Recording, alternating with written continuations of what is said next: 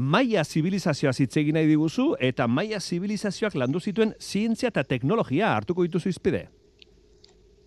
Benetan izugarria dena. E, bueno, gogora dezagun e, Maien zibilizazioa ba, Mesoamerikako zibilizazio bat zela, e, Espainiarrak Ameriketara iritxe horretik, ba, Maia herriek garatu zutena, mm. eta ba, gaur egungo Mexikoko hegoaldea, e, Yucatan, Campeche, Quintana Roo, Chiapas, Tabasco estatuak, eta beste herri batzuetan zeuden e, maiak, ba, Belizen, mm Guatemalan, Hondurasen eta El Salvadorreko zati batzuetan, eta ba, zibilizazioa zizen, orain dela e, lau mila urte, eta e, bi hiru fase egon ziren e, eta gure, guretzat garrantzitsuena dena klasikoa ditzen dena. Kristo ondoren e, irureun bederatzereun e, urte bitartean. Eta bueno, ba, kontua da, e, zientzia eta teknologia asko garatu zutela, maiek. eta batez ere, bai, maiek, eta batez ere e, da, e, bueno, ba, beraiek papera zutelako, eta ere bai, e, lenguaia idatzia eta oso garatua beraz, e, pasatu alzuten informazio guztia e, ba, e, generazioz generazio, belaunaldiz, belaunaldi, mm idatzita. E, eta esaten dut, beraien lenguaia oso zabala zela, ba, ze sortzireun bat letra edo simbolo zituen, eta, bueno, ba, ba, simbolo bakoitza zen hitz bat edo silaba bat. Mm Eta orduan, hitz bat egiteko, askotan, ba, irulau kombinazio desberdin zeuden. Beraz, e, oso lenguai garatua zen. Eta, bueno, e, kontua da, Espainiarrak heldu zirenean, ba, ba, bueno, ba, katolizismoa inposatu nahi zuten, ezin zuten maila irakurri, testuak, e, eta egin zuten izan zen, ba, e, maila liburu guztiak, erre, ah. bakarrik hiru e, salbatu egin ziren, hiru liburu, eta beste guztia dakigu, ba, ba ze, e, arroketan e, idatzi zuten e, maiek ba, hainbat gauza. E, esate baterako, ba, bueno, ba, Greziaren Atenas edo zerakinik Alexandria bat, maientzako zen kopan, kopan iria. Eta bertan, ba, e, arroketan e, idazki asko daude ere, bai? Eta horregaitik dauka, dakigu horren beste. Beno, ba, zientziari dagokionez, e, lehenik eta behin aipatu behar da matematika maien matematika oso garatua zen. Eta behitu guk badakizu, e, ba, gure numeroak erabiltzen ditugu, zerotik bederatzira, bai. beraiek bakarrik hiru simbolo erabiltzen zituzten. Zero, bat eta bost. Eta gainera e, beste simbolo desberdin batzuk erabiltzen zituzten, zero, bat eta bost zenbakiak adierazteko. Eta oso e, aipagarria da, e, kristo horretik ja zerogarren zenbakia zutela eta oso zibilizazio gutxiek e, garai horretan ja zeukaten zero zenbakia. Bai. Eta bueno, ba, iru, iru zenbaki horietan e, zenbatua zituzten e, bueno, milioika eta milioika. Zero bat eta bost, esan duzu iru simbolo bakarrik. Hori da, hori da. Eta, eta dakigu oso gratua zegoela matematika, ba, ze astronomian, mm e, benetan zirela fenomeno batzuk. Zergaitik, esate baterako e, eguzki eklipseak aurrezateko kapasak ziren.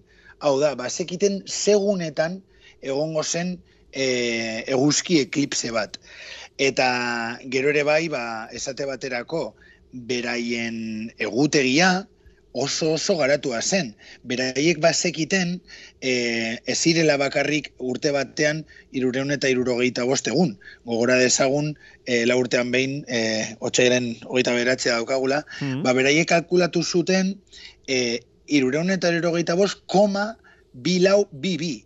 Hau da, ia ia perfectoa, base daukaguna da, irureun eta irurogeita bost koma bilau bibost. Eta kontua da, e, e, e, asko be e, garatuagoa zegoela gure egutegi gre, gregoriaronarekin e, konparatuta. Hau da, desimaloiek e, zehatzagoak ziren e, beraien kasuan, gure kasuan baino. Garai berdinerako. Eta gero ere bai, maiagia e, ikas, e, bueno, ikerlanak egin zituzten, e, Jupiter planetarekin, Marte, Mercurio, eta bar, hainbat planetekin ja e, e, ba, bueno, ba, informazioa zuten eta ikerlanak egiten zituzten.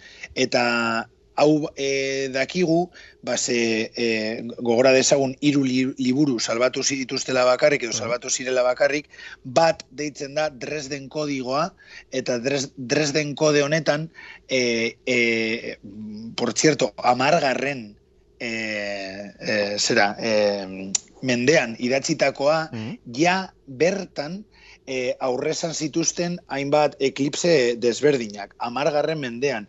Eta gero ere bai, ba, ba beste planeta askoi buruz hitz egiten dute, eta e, esan dezakegu maia hiri askok basutela ere bai observatorioak, behatokiak, hau da, e, planetak zelan mugitzen ziren ikusteko behatokiak bazituzten e, amargarren mendean gauza e, Europan oso gutxi edo edo ez zeudenean. Beraz, zibilizazio aurreratua, bai, eh? Maien zibilizazioa, eh? Ikusten da garbi, eh? Oso, oso, oso e, aurreratua. Mm. Eta gero ere bai, adibidez, e, materialien zientzian, e, ba, goma, hau da, kautxua, goma, mm. e, gurpiletako goma, beraiekia garatu egin zuten, e, mila eta zeieun kristo aurretik. Eta kontua da, e, e, Charles Goodyear, Goodyear badakizu gurpillak, ez ah, da, bai, Goodyear, marka da, ez? Gurpillak, bai. marka hori.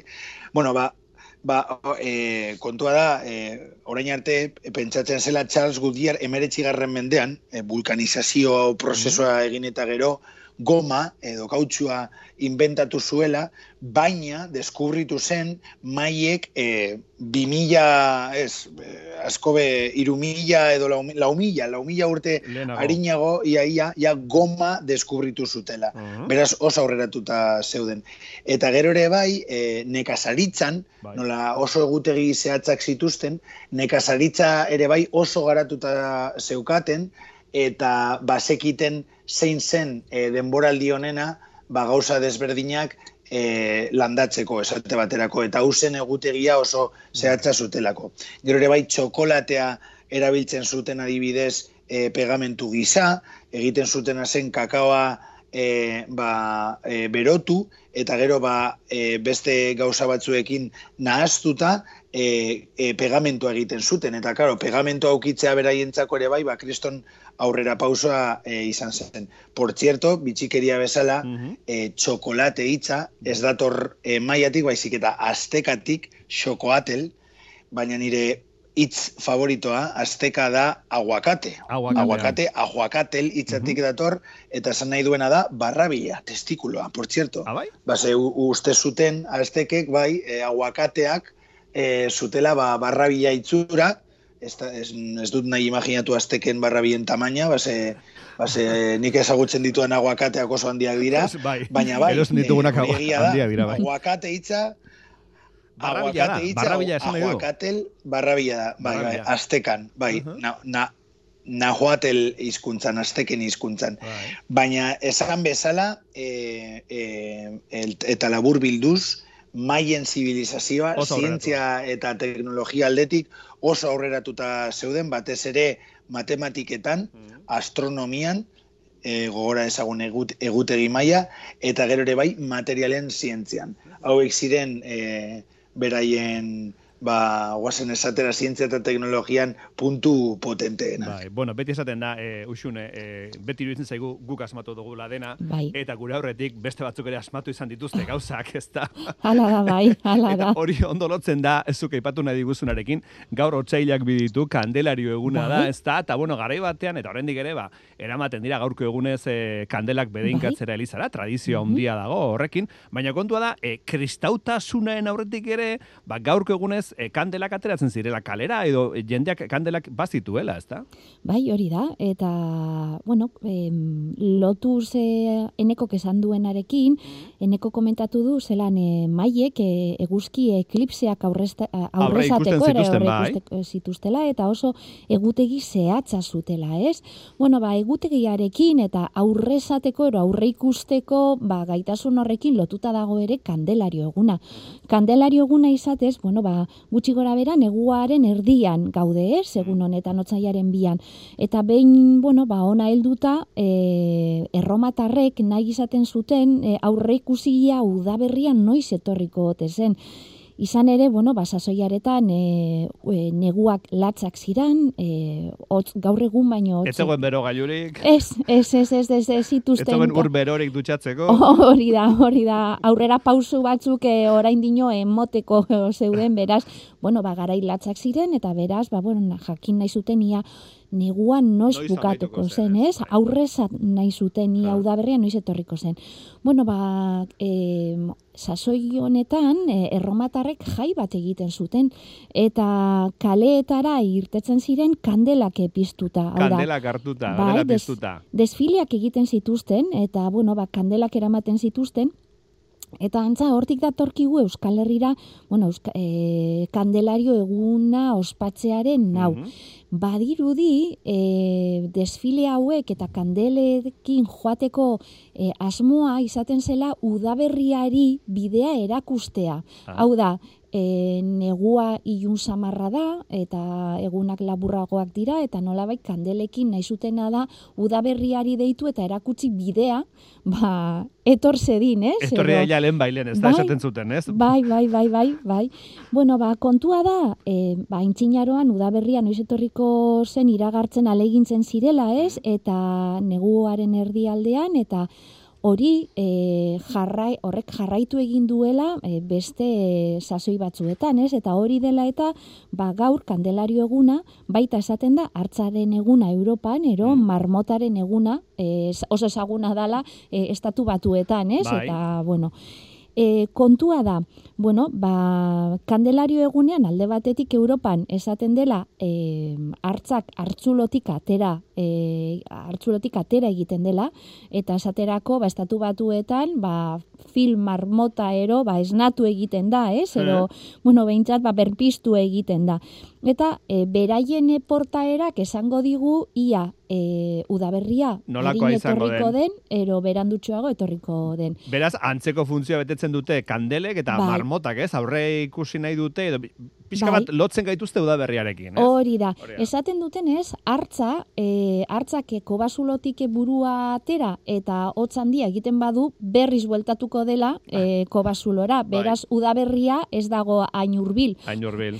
Eta berdin gertatzen da, antza, bueno, ba, em, film marmota marmotarekin. Ateratzen da, eta esatu, uh, haze hotza, ordan. Banoa barrura, horrek esan nahi du, kostako zeigula, ez? Hori da, eta ikusten, e, badaude esaerak, esaterako, euskeraz, non esaten dute, kandelario bero, negua dator gero. Mhm. Kandelario hotz, negua joan da motz. Bueno, ba, horrekin zer ikusia du. Baina baita, badu, kandelario egun honek eta udaberria iragartzeko ba, asmo honek, bi animali hauekin lotura du, hartzarekin eta marmotarekin. Mhm. Baina batez ere, animalien hibernazioarekin mhm. lotura du. Mhm. Izan ere, bueno, ba, suposatzen da, kobasuloan egondala hartza hibernatzen, eta marmotak ere hibernatu egin duela, eta esnatu egin dela.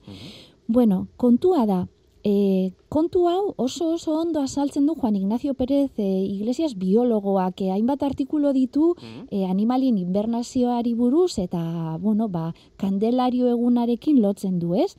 Bera e, kontatzen du bere artikuluetan nola oso toki hotzetan bizi diren ugastun askok e, ez guztieke, baina askok hibernatu egiten dutela.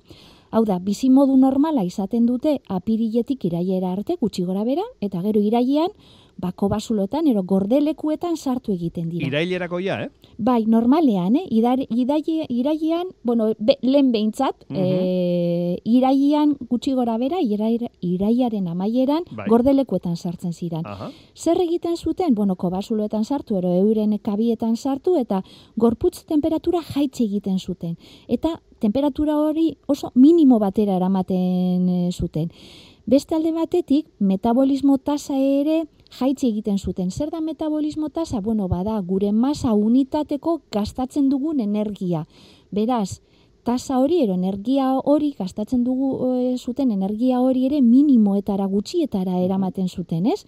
Muskuluek e, muskuluen e, jarduera ere eten egiten zan, e, ero egiten zuten, ez zuten jaten, ero ez dute jaten, e, ez dute beste funtziorik egiten, eta esan dezakegu horrelako egoera e, kataleptiko baten, ero katatoniko baten sartzen direla, bai. ez? Bueno. Eta nola elikatzen dira, uxun, eh? E, gantz nabarra izaten dute, pilatu egiten dute gantz ah. nabarra urtean zehar. Ah. Bueno, kontua da, e, lotan egoten dira, ero losorroan egoten dira, hibernatzen egoten dira, bai. eta ez dira jabe e, ondoan gertatzen e, denarekin, eta noiz behinka esnaldiak izaten dituzte. Mhm. Hau da, e, esnatu egiten dira, e, ez dakite biologuek eta e, zientzialariek ez dakite zer dela eta esnatzen diren losorro horretan, ez, noiz behinka uste dute behar bada gorputza ba, e, berriz berotzeko dela eta e, bueno, bai, indarra pur batero ba, berpisteko ero, eh? baliteke, baina ez dakite ziur zergatik, zergatik, ba, bueno, ba, hibernazioan ere horrelako esnaldi txikiak. Mm. Izan ere, esnaldi hoietan energia asko zautzen dute, eta ez dakite zergatik. Bueno, ba, kontua da, e, hibernatu alizateko, bai. lehen galdetu duz moduan zelan egiten dute, ez? Bueno, ba, bai. bi ezaugarri behar dituzte, bat, gantz nabarra eduki behar dute ala beharrez, hau da, eta gantz nabarrak zer da, ba, beroa ematen digu, ez? Ose, bere e, funtzio nagusia da beroa sortzea, beraz, gantz nabarra behar dute, e, bero hori mantentzeko, Eta zer gertatzen da, bueno, ba, ugastun denek ez dutela gantz mota hori, beraz denek ez dute hibernatzen. Mm. E, zer gertatzen da, bueno, ba, aldi batet e, komentatu dugun moduan, e, zera behar dutela gantz nabarra, ba, gorputza bero e, mantentzeko, eta, bueno, ba, e, hori bizirik ero nola bai, irauteko. irauteko. Eta hibernatzen duten beste animalien ezaugarria da euren tamaina. Hau da, hibernatzen duten animali e, guztiak tamaina txikikoak dira. Mhm. Kontua da, e, askok uste dute, ero uste dugu, eta sarritan entzun dugu, mhm. hartzek ere hibernatu egiten dutela. Ah. Baina ez da hibernazioa lehen aipatu dugun egoera katatoniko hori. Ja, losorroan egotea ez, demora askoan ez. Hori da. E, Nire, oiek dira nire aitaren siestak. Hartzek bai losorroan, e, losorroa egiten dutela ero, eh? nola bai, baina zer gertatzen da, e, badira jabe inguruarekiko, hau da, e, konstientzia maila bat ere badute, mm. eta egiten dutena da, asal hipotermia garatzen dute. Hau da, e, asala nola bait, e, ba, isostuta ero hotz mantentzen dute, ez? Egia da gorputzeko temperatura ere jeitzi egiten dutela, baina mhm. ez animalia txikiak bezain beste. Mhm. Hau da, hibernatzen duten animaliak dira, adibidez, saguzarrak hibernatu egiten dute, marmotek hibernatu egiten dute, baina hartzek esaterako asal hipotermia da garatzen dutena e, losorro horretan. E, Eta ba, bai. bakarrik gauzatxu bat hor, marmoten kasuan, esate bai. baterako, hibernatzen dutenean, beraien temperatura, gutxi gora bera, e, animali hauen temperatura eta gurea e, oso antzekoa da, hogeita masei gradu gutxi gora bera. Ba, beraien kasuan, hibernatzen dutenean doa, hogeita masei gradutik sortzi gradura. Bai. Hau da, egiten dute nolabaiteko hipotermia kontrolatu bat. Da, bai. benetan harrigarria. Bai. Asko, asko geisten dute temperatura, bai. Aldiz e, hartzek eta, bai, euren gorputzeko temperatura ere jeitsi egiten da, baina ez hainbesteko mm. e, tartean, gradu batzuk e, geisten dira. Bai, eta zertarako bai. hibernatzen dute animaliek? Bueno, ba, energia aurresteko hibernatzen dute, izan ere, mm -hmm. e, neguan, e, ba, janari erolikagai eskazia dago, e, temperatura, giro temperatura ere asko geisten da, eta bueno, ba, e, ingurunea latza bihurtzen zaie, ez? Eta orduan, bueno, ba, energia aurrezten dute, eta e, zenbat eta e, handiago izan animalia, mhm. energia gutxiago aurrezten dute. E, beraz, horregatik animali txikiek benetan hibernatzen dute, dute. Eta hartzak ez? E... Hartzak ez. E, ez, e, e, ez animali txikiek egiten duten bezala zen. Hau da, e, euren egoera da losorroa egiten dute, bai, e, euren funtzioak eta esaten e, adibidez ez dute jaten eta e, lotan egoten dira, et, baina konstiente dira. Ez dira animalia txikiek e, ez dute bizi, animalia txikiek bizi duten egoera berdina, ez? ja. Hau da, e, mugimentu ezik eta inguruarekiko, kon, ba, esan dezagun ez, arreta hori galdu egiten dute. Hartzak adi, aldiz konstiente dira. Kontziente Hau da, zerbait gertatzen badako basuloaren inguruan badakite eta horri aurre Aterako egiteko. dira, eta... Bai, bai, bai, bai. Eta e, animali txikietan metabolismo tasa asko jaisten da, hau da, e, masa unitateko e, energia hori ere, kopuru hori asko jaisten da, eta handietan ez. Zer gertatzen da? Ba, animali txikiak bizirik daudenean, ero e, jarduera normal bat dutenean, euren energia kostua eta lotan dauden, ero losorroan, ero hibernatzen dauten, dau, dauden sasoi horretan dagoen energia kostua, ba, e, alde handia dagoela batetik bestera, bai? E, aldiz, animali handietan ez, alde hori e, ez da hain nabarmena. Esan dezakegu e, gastu, ez dutela hainbeste e, aurresten, ez? E, losorroan, ero hibernazio horretan e, daudenean. Daudenean. Beraz, ba, animali txikiek bai hibernatzen dute, batzuk, eta hartzak aldiz ez du egiten. Bueno, gaur atera daila marmota, eta e, atera daila eta kanpoan geratu daila. Horrek esan nahi du, uda berria aurketorreko zaigula, ezta? Hori da, eta, bueno, badakizue kandelario lario, aste honi, ospakizun usaina dari, ose, gaur Hori da. kandelario da, bihar San Blas dugu, Bai. etzi Santa Ageda bespera, Hori eta da. etzi damu agata deuna.